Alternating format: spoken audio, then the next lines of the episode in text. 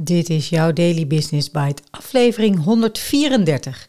Iedereen is zijn eigen CEO, met de juiste informatie. Door Sander Lurie op managementimpact.nl. En ik ben je host, Marja den Braber.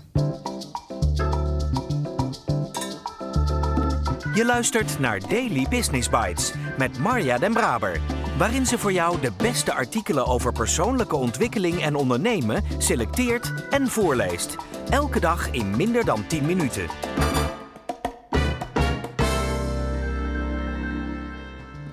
Dit is de podcast waar je kunt luisteren naar artikelen van experts op het gebied van ondernemen en persoonlijke ontwikkeling. Elke dag van het jaar in 10 minuten of minder.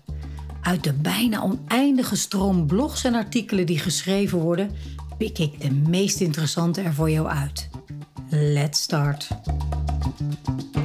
Na de pandemie zou het werken totaal veranderen. Lege kantoren, stille snelwegen. Iedereen zou werken waar dat het beste zou uitkomen. Thuis, in een koffietentje of toch een dagje kantoor. Inmiddels weten we wel beter. De kantoortuinen vullen zich, de files staan weer op de vertrouwde plekken. Op het oog zijn we weer terug in 2019. Toch is er wel iets veranderd. Bosses are winning the battle to get workers back to the office. Al dus een Forbes-artikel van eind september 2022. In het artikel wordt geconstateerd dat het aandeel thuiswerkers steeds kleiner wordt, in New York althans. Gemiddeld is ongeveer de helft, 49% van de medewerkers, op een doordeweekse dag op kantoor.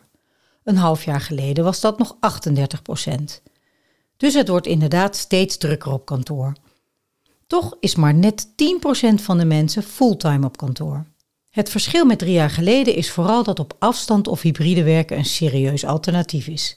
Het wordt door de organisaties nu gezien als gelijkwaardig aan werken op kantoor. Dat was in 2019 en daarvoor bij de meeste organisaties zeker niet het geval. Bovendien is inmiddels veelvuldig aangetoond dat flexibel werken de productiviteit en het welzijn van medewerkers kan verhogen. Als medewerkers tenminste op een alternatieve plek de ruimte, technologie en ondersteuning hebben om productief te zijn. Het werk decentraliseert onmiskenbaar. Dat heeft ook invloed op de besluitvorming. Uit onderzoek van Momentive blijkt dat bij verreweg de meeste organisaties medewerkers buiten de C-suite wekelijks of vaker beslissingen nemen met impact voor het bedrijf.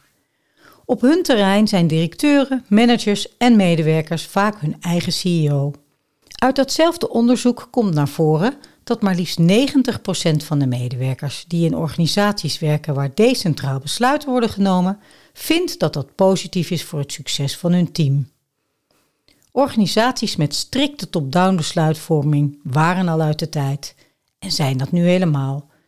Bedrijven zijn te groot en de markt is te wispelturig en concurrerend om te moeten wachten op besluiten van hogere hand. Dus nemen individuele medewerkers op elke afdeling elke dag kritische bedrijfsbeslissingen. Juist in dat geval, bij decentrale beslissingen, is het van groot belang dat deze beslissingen op data gebaseerd zijn. Je moet ervoor waken dat een afdeling zo decentraal is dat het de feeling met het bedrijf en met de collega's en klanten verliest. Uiteraard zijn operationele data cruciaal voor elke beslissing, maar dat is niet voldoende.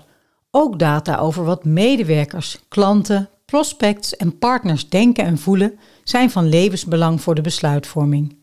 Het kan namelijk snel gaan met het sentiment.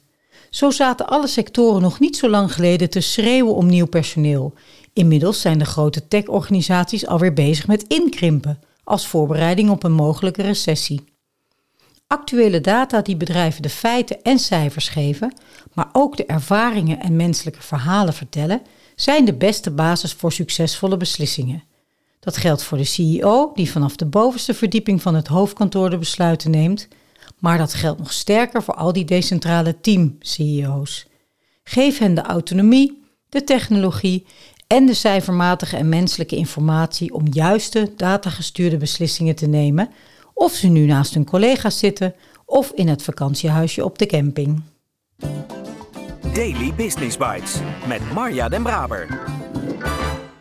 Je luisterde naar Iedereen is zijn eigen CEO met de juiste informatie door Sander Lurie, CEO van Momentive. Net als bij Netflix wordt ook hier weer gesproken over besluitvorming buiten de C-suite. Dat vind ik nou een lekker woord. Niet alleen omdat het motiverend is voor werknemers, maar ook omdat het in de huidige markt niet anders kan. Even doorklikken op Momentive en op Sander is ook interessant. Hij is CEO geweest van SurveyMonkey. Dat is een bedrijf wat uh, je heel makkelijk vragenlijsten en surveys laat maken. Ik heb het zelf ook met heel veel plezier gebruikt. Dus met data verzamelen en hoe essentieel dat is, daar heeft hij al veel ervaring mee. Betere besluiten met betere data. En ook het menselijke verhaal erbij, dat vond ik mooi. Zowel de cijfers als de gevoelens en de verhalen. En als je dan ook nog zorgt dat die data op tijd bij de juiste mensen liggen, kan iedereen de CEO zijn en besluiten nemen. Ik vind het wel wat. In de presentatie van Momenten vond ik nog een paar leuke weetjes.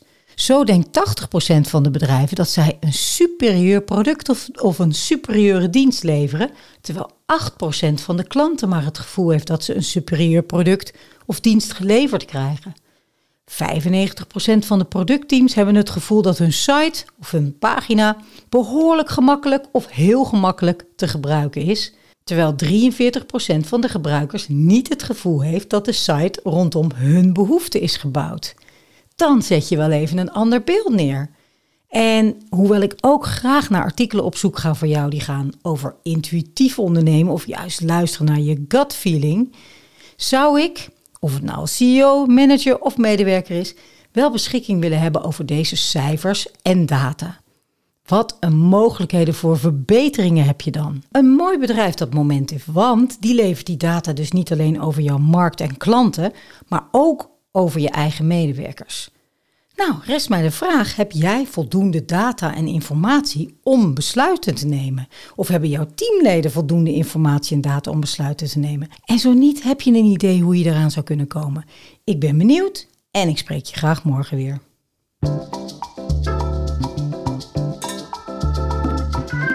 Dit was Daily Business Bites. Wil je vaker voorgelezen worden? Abonneer je dan op de podcast in je favoriete podcast-app. Meer weten? Klik op de links in de show notes.